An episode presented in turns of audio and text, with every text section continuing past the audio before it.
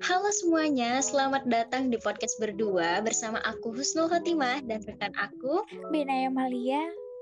Gimana nih kabarnya hari ini teman-teman? Semoga yang lagi dengerin podcast ini di mana pun kalian berada, kalian baik-baik aja ya.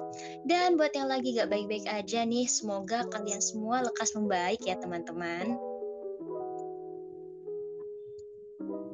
By the way, di episode ini kita bakal ngobrolin apa sih, Ben?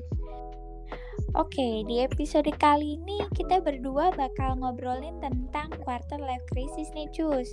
Kau pernah dengar istilah ini nggak? Atau teman-teman pernah nggak sih dengar istilah quarter life crisis ini? Atau mungkin justru kalian salah satu orang yang lagi mengalami fase ini? Hmm, aku pernah sih Ben dengar istilah itu dan pernah ada di fase itu juga. Menarik banget nih pembahasan soal quarter life crisis ini karena fase ini tuh biasanya ya berhubungan banget sama anak-anak remaja nih yang mulai menuju ke tahap dewasa gitu. Jadi, buat kalian khususnya para remaja yang mulai masuk usia 20 tahun dan baru pertama kali dengar istilah ini, wajib banget tahu nih soal quarter life crisis. Jadi, apa sih Ben quarter life crisis itu? Oke, aku jelasin ya. Jadi, quarter life crisis adalah suatu keadaan emosional yang dialami oleh seseorang saat menginjak usia 20 hingga 30 tahun. Contohnya seperti kebingungan, kegalauan, dan kekhawatiran dalam ketidakpastian kehidupan di masa mendatang. Umumnya, keadaan quarter life crisis ini sih merupakan keadaan yang menyangkut soal keuangan, perkembangan karir, dan lingkungan sosial yang menjadi bahan pemikiran seseorang pada umur 20 hingga 30 tahun. Nah, jadi itu dia ya teman-teman yang dinamakan quarter life crisis. Quarter life crisis ini juga memiliki ciri-ciri loh. Secara umum, ciri-ciri dari quarter life crisis yang pertama adalah clueless, yaitu pikiran kamu mulai dibanjiri oleh pemikiran dan pertanyaan-pertanyaan yang gak ada ujungnya. Selain itu, kamu juga merasa serba tidak tahu nih tentang diri kamu, keinginan kamu, dan juga tujuan hidup kamu. Ciri yang kedua adalah hopeless, yakni di mana kamu merasa pasrah dengan realita kehidupan yang lagi kamu hadapi. Dan juga masih ada loh ciri-ciri selanjutnya. Ciri-ciri selanjutnya apa sih, Ben?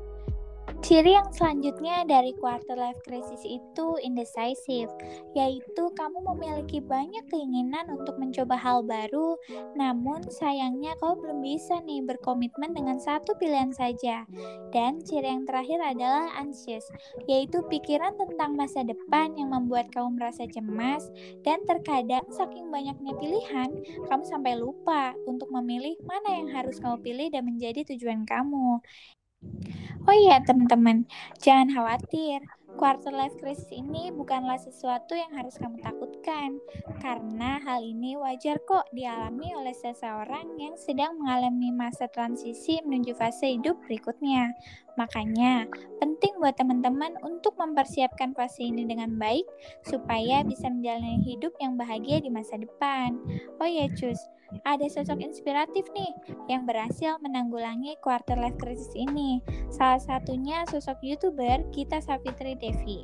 Kalau kata Kak Gita Sav, kunci terbesar yang biasanya diabaikan adalah mengenal diri lebih dalam. Jadi, teman-teman, salah satu cara untuk menghadapi quarter life crisis itu perlu banget nih untuk kenali diri lebih dalam, seperti apa kelebihan serta kekurangan diri kamu. Kemudian, apa yang ingin kamu capai dalam hidup. Dengan kamu mengenali diri kamu lebih dalam, harapannya kau bisa lebih paham nih hidup seperti apa sih yang ingin kamu jalanin ke depannya. Yap, setuju banget Ben. Terlepas dari itu semua, fase quarter life crisis ini merupakan hal yang penting loh untuk dialami seseorang. Salah satunya ya untuk mengenali diri sendiri secara lebih mendalam, serta mempersiapkan berbagai kemungkinan yang akan terjadi di masa depan. Oke, mungkin itu obrolan kita hari ini seputar quarter life crisis. Semoga dengan adanya podcast ini dapat membantu kamu dalam menghadapi fase quarter life crisis ini ya teman-teman.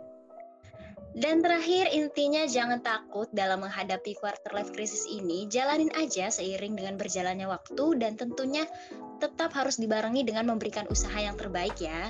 Cukup sekian episode podcast hari ini. Aku Husnul Hotimah dan rekan aku, Binaya Malia. Kami dari podcast berdua pamit undur diri. Sampai jumpa di episode berikutnya. Bye-bye. Bye-bye.